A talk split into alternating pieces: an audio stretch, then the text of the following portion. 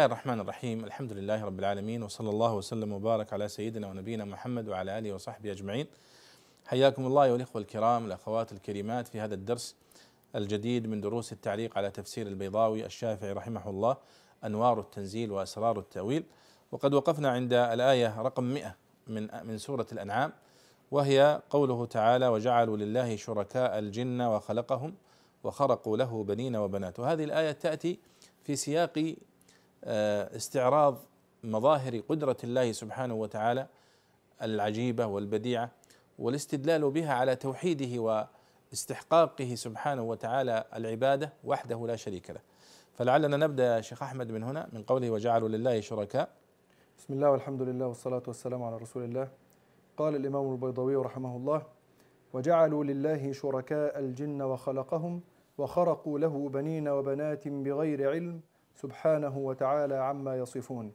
وجعلوا لله شركاء الجن أي الملائكة أي الملائكة بأن عبدوهم وقالوا الملائكة بنات الله. وسماهم جنا لاجتنانهم تحقيرا لشأنهم. أو الشياطين لأنهم أطاعوهم كما يطاع الله أو عبدوا الأوثان بتسويلهم وتحريضهم. أو قالوا الله خالق الخير وكل نافع والشيطان خالق الشر وكل وكل ضار. كما هو رأي الثانوية. ومفعول جعل لله شركاء والجن بدل من شركاء أو شركاء الجن ولله متعلق بشركاء أو حال منهم. وقرئ الجن بالرفع كأنه قيل من هم؟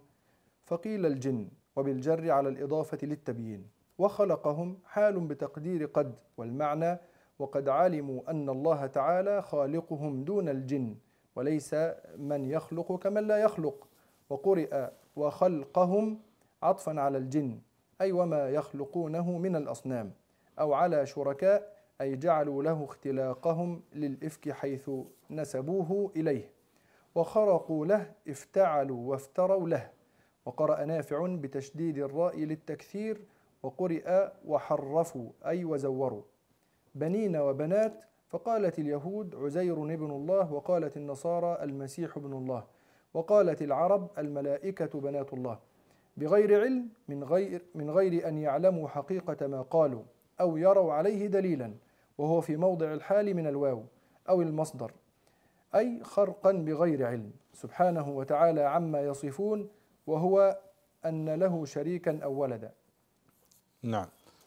سبحان الله العظيم. يقول الله سبحانه وتعالى وجعلوا لله شركاء الجن وخلقهم وخرقوا له بنين وبنات بغير علم سبحانه وتعالى عما يصفون. هنا بعد أن ذكر الله سبحانه وتعالى في الآيات السابقة مظاهر قدرته سبحانه وتعالى على الخلق وعلى الإنبات وكيف أنه سبحانه وتعالى ينزل المطر؟ وهذه آية. ثم إنه ينبت بهذا المطر الآية النباتات. ثم تنبت هذه النباتات بشكل بسيط في بدايتها ثم تنمو وتنضج ثمارها. فإذا بها ثمار مختلفة الألوان والطعوم والأشكال كل هذا من دليل على أنه سبحانه وتعالى القادر وأنه المستحق للعبودية. ولذلك قال في أولها إن في في آخرها إن في ذلكم لآيات لقوم يؤمنون. ثم يذكر هنا كيف سبحان الله العظيم هؤلاء المشركون قد تركوا كل هذه الأدلة التي تدل على ألوهيته وأشركوا به سبحانه وتعالى غيره فقال وجعلوا لله شركاء الجن. يعني أشركوا بالله فعبدوا الجن وغير الجن. وجعلوا لله شركاء الجن. يعني الجن هنا كأنه بدل. وخلقهم. يعني وخلق الجن. وخرقوا له بنين وبنات بغير علم سبحانه وتعالى عما يصفون. يقول البيضاوي وجعلوا لله شركاء الجن. أي الملائكة. بأن عبدوهم وقالوا الملائكة بنات الله. وسماهم جنا لاجتنانهم تحقيرا لشأنهم.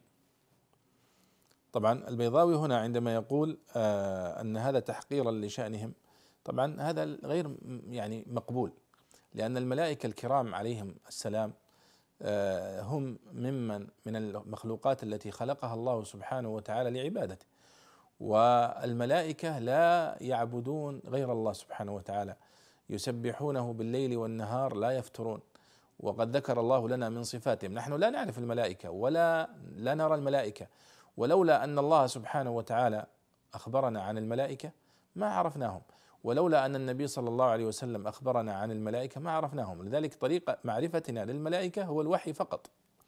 فالبيضاوي كونه يقول هنا أنه سمي الملائكة جنا لاجتنانهم تحقيرا لشأنهم فهذا غير مقبول. لكنه لغة هكذا هو أن كل ما غاب عن الإنسان وعن نظره فإنه يسمى جنا.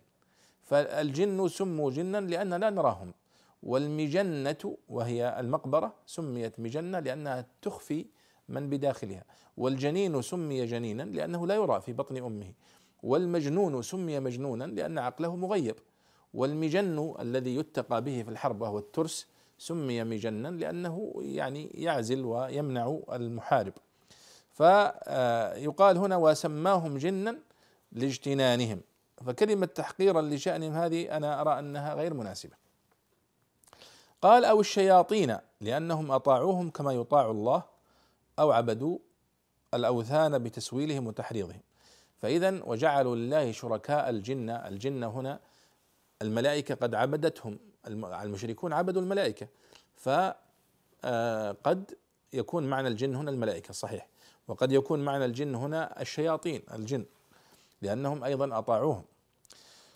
وقد يكون المقصود بذلك أنهم أطاعوا الجن فعبدوا الأصنام.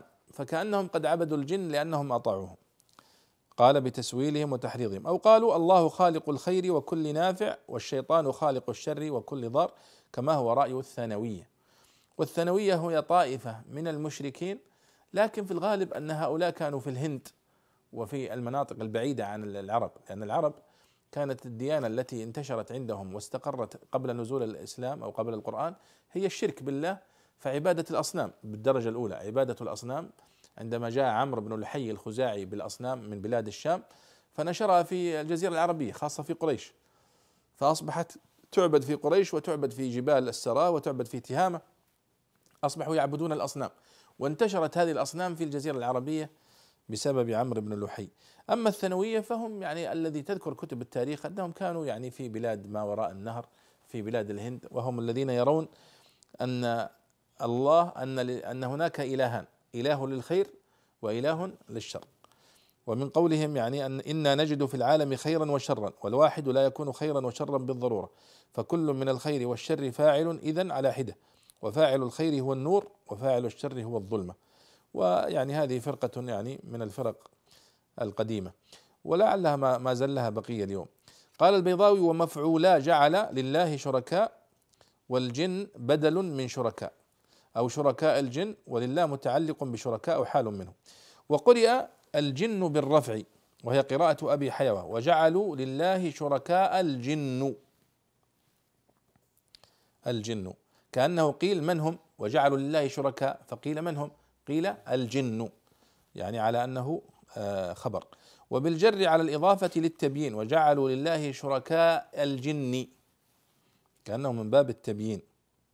وهي قراءة أبي البرهسم وشعيب بن أبي حمزة من القراءات الشاذة.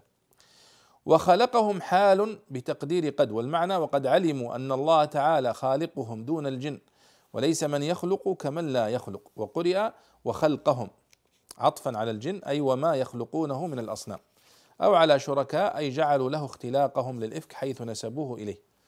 وخرقوا له افتعلوا وافتروا. خرق بمعنى افتعل وافترى كذبا وزورا. وقرأ نافع بتشديد الراء للتكثير يعني وخرقوا له بمعنى بالغوا في الافتراء والكذب على الله.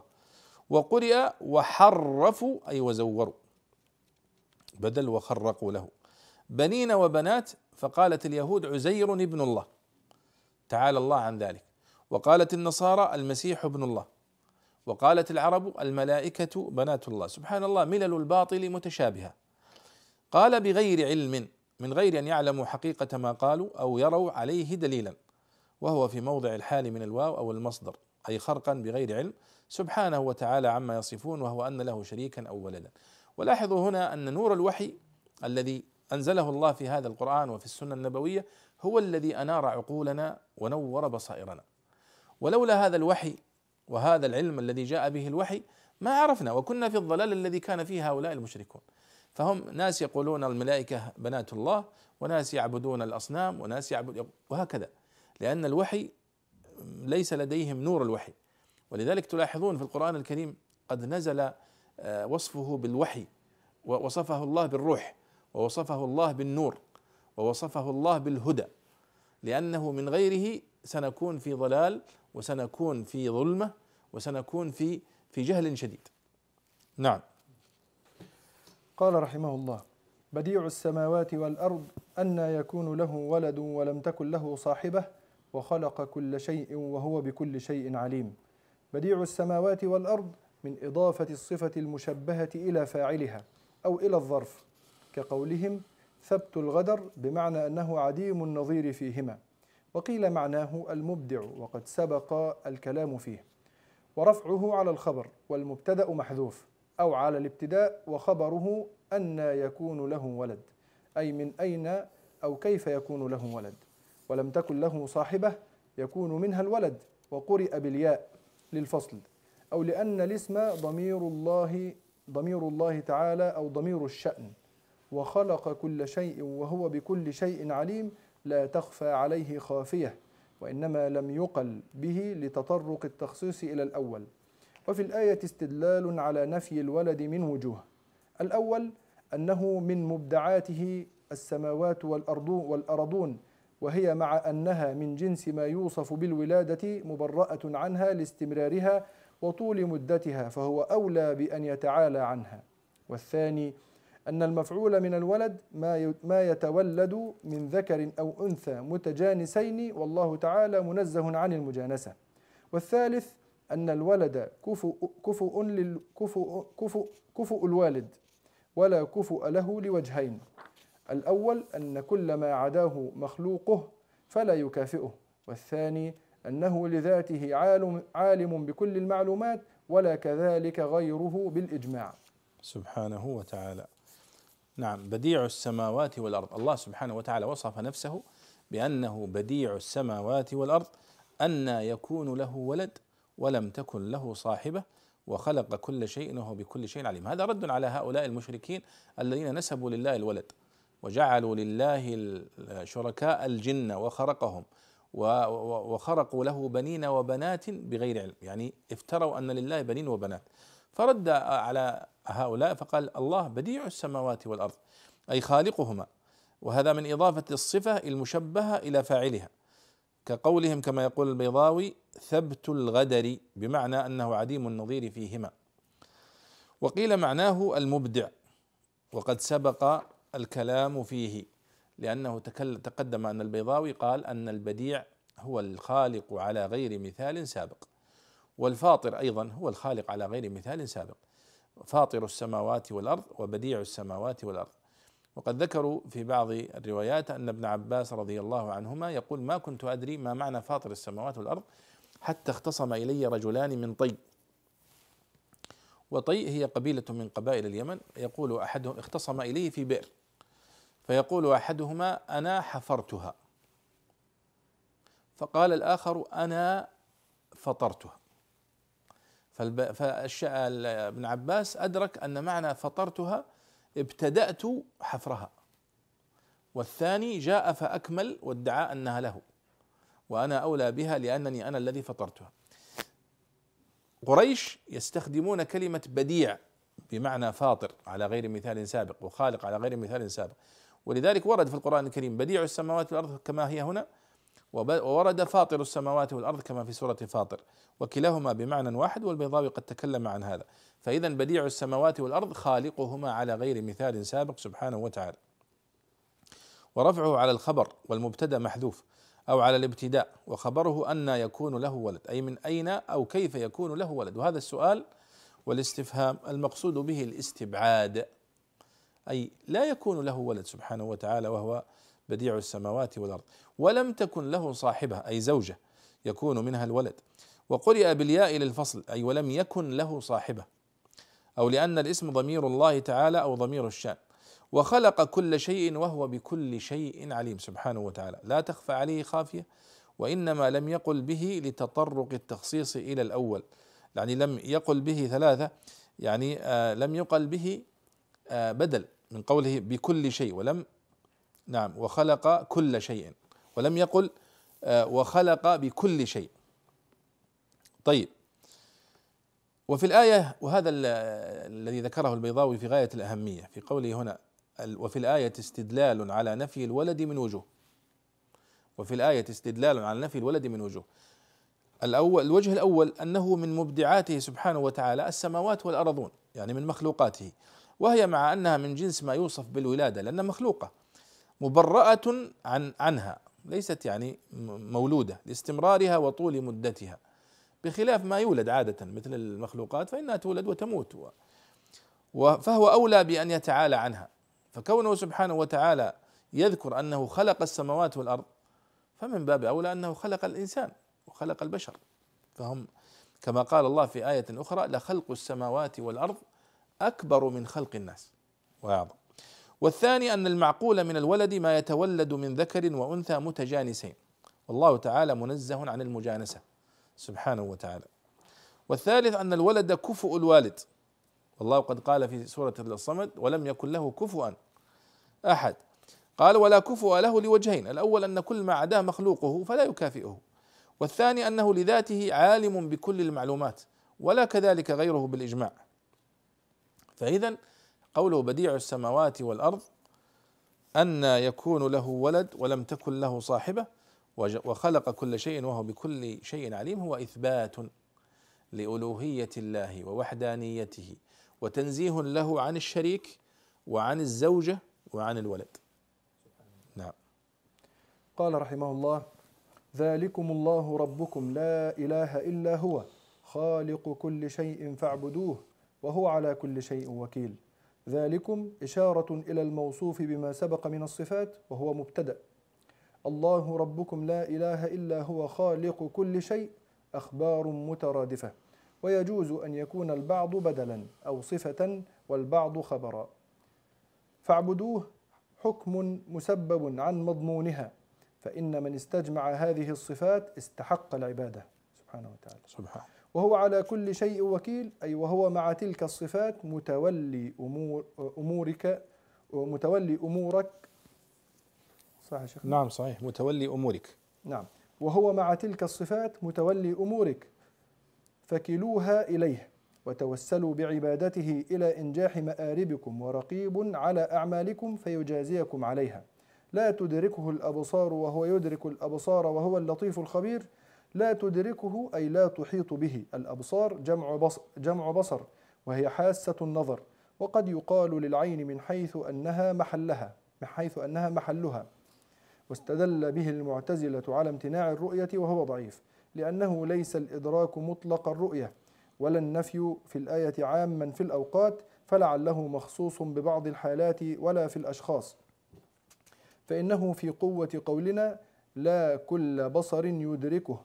مع أن النفي, مع أن النفي لا يوجب الامتناع وهو يدرك الأبصار يحيط علمه بها وهو اللطيف الخبير فيدرك ما لا تدركه الأبصار كالأبصار ويجوز أن يكون من باب اللف أي لا تدركه الأبصار لأنه اللطيف وهو يدرك وهو يدرك الأبصار لأنه الخبير فيكون اللطيف مستعارا من مقابل الكثيف لما لا يدرك بالحاسة ولا ينطبع فيها.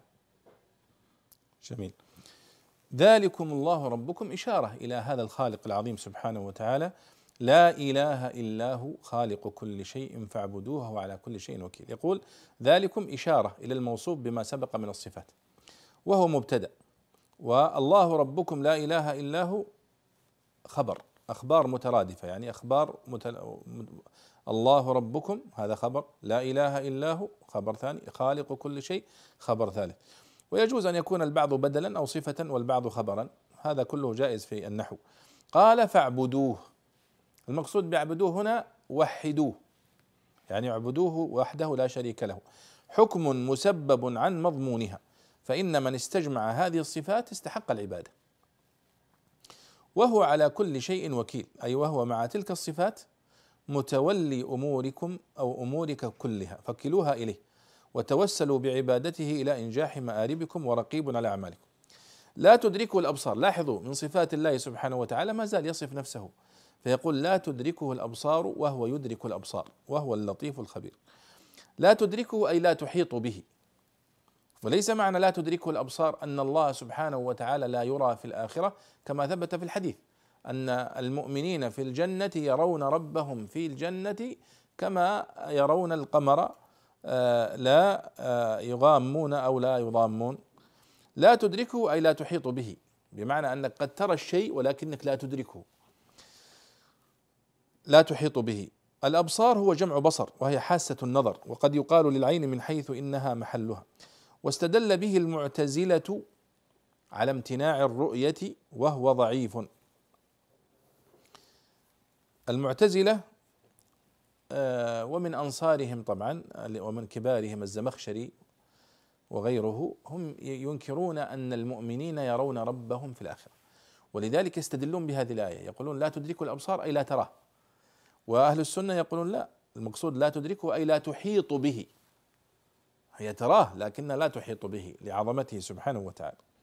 قال واستدل به المعتزلة على امتناع الرؤية وهو ضعيف لأنه ليس الإدراك مطلق الرؤية ولا النفي في الآية عاما في الأوقات فلعله مخصوص ببعض الحالات ولا في الأشخاص فإنه في قوة قولنا لا كل بصر يدركه. والصحيح والصحيح أنها لا تدركه الأبصار مطلقا فهو عام في كل الاوقات وفي كل الحالات. لكن المقصود بالإدراك كما ذكر البيضاوي هنا الإحاطة. طيب وهو يدرك الأبصار يحيط بعلمه بها سبحانه وتعالى وهو اللطيف الخبير.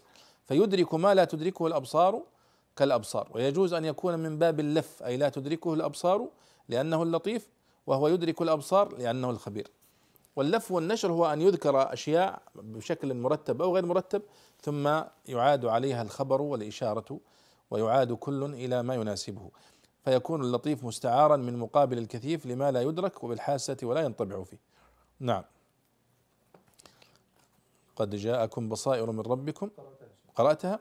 قد جاءكم بصائر من ربكم البصائر جمع بصيرة. وهذه من نعم الله سبحانه وتعالى علينا نحن المسلمين أنه أنزل علينا هذه البصائر وهذه الآيات.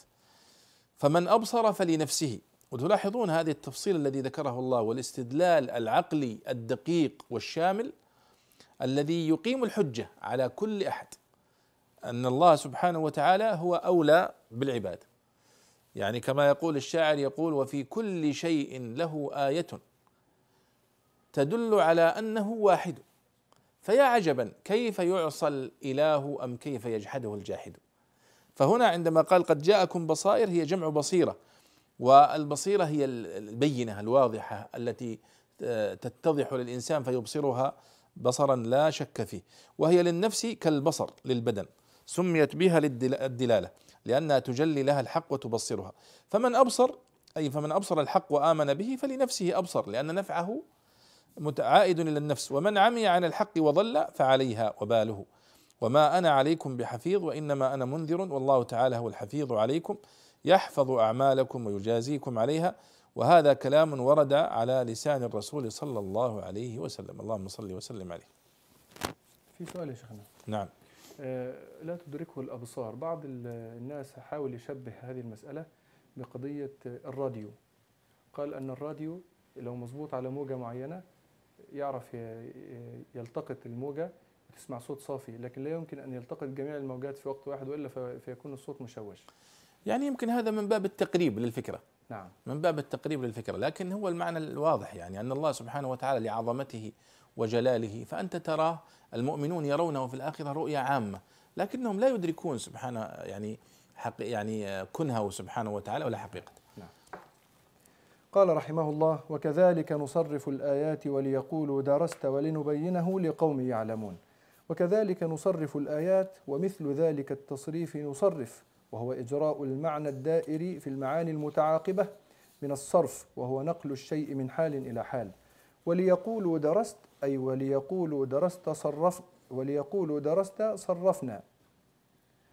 نعم. واللام لام العاقبة والدرس القراءة والتعليم. وقرأ ابن كثير وأبو عمرو دارست أي دارست أهل الكتاب وذاكرتهم وابن عامر ويعقوب درست من الدروس أي قدمت أي قدمت هذه أي قدمت أي قدمت هذه الآيات وعفت كقولهم أساطير الأولين.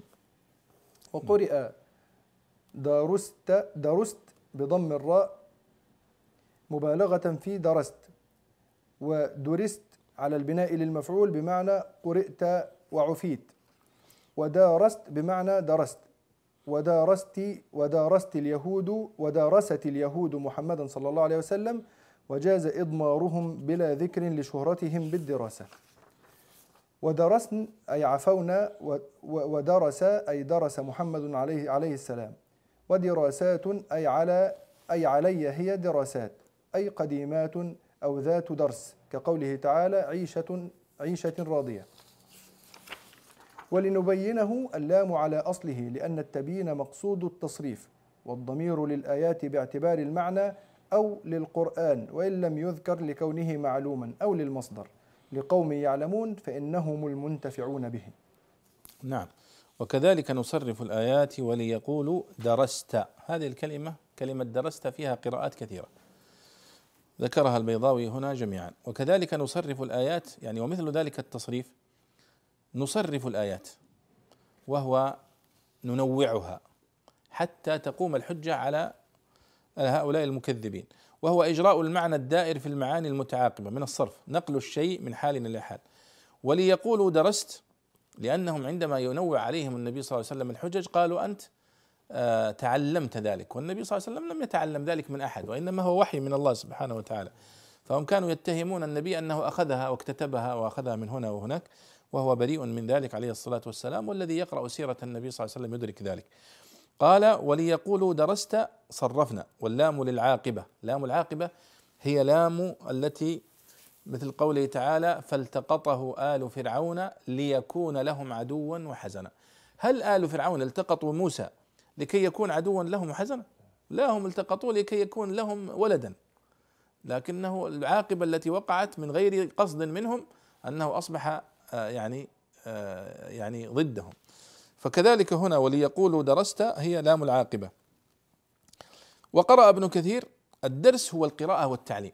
الدرس هو القراءة والتعليم. سمي الدرس درسا آه، وسميت القراءة والتعليم درسا لأن فيها تكرار ولا تقع التعليم إلا بالتكرار والقراءة. فلذلك سمي درس الثمار ودرس درس الحصاد درسا لأنه لا بد أن يطع عليه يطع يوطى عليه بأقدام البقر أو بغيرها حتى تخرج الثمرة وتنفصل عن السنابل وتنفصل عن عن الحب. آه، قال وقرأ ابن كثير وأبو عمرو دارست. أي دارست دارست أهل الكتاب وذاكرتهم. وابن عامر ويعقوب درست. من الدروس أي قدمت هذه الآيات وعفت. كقولهم أساطير الأولين وقرئ درست. وقرئ درست. وقرئ دارست. درست. آه، دارست اليهود محمد صلى الله عليه وسلم إلى آخر هذه القراءات التي ذكرها. البيضاوي رحمه الله قال ولنبينه لقوم يعلمون اللام على أصله لأن التبيين مقصود التصريف والضمير للآيات باعتبار المعنى أو للقرآن وإن لم يذكر لكونه معلوما أو للمصدر لقوم يعلمون فإنهم المنتفعون به.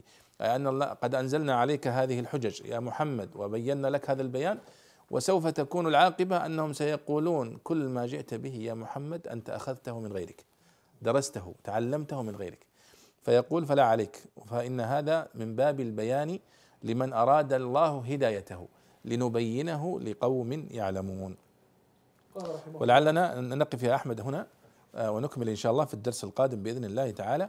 نراكم بإذن الله في الدرس القادم. وصلى الله وسلم على سيدنا ونبينا محمد وعلى آله وصحبه أجمعين.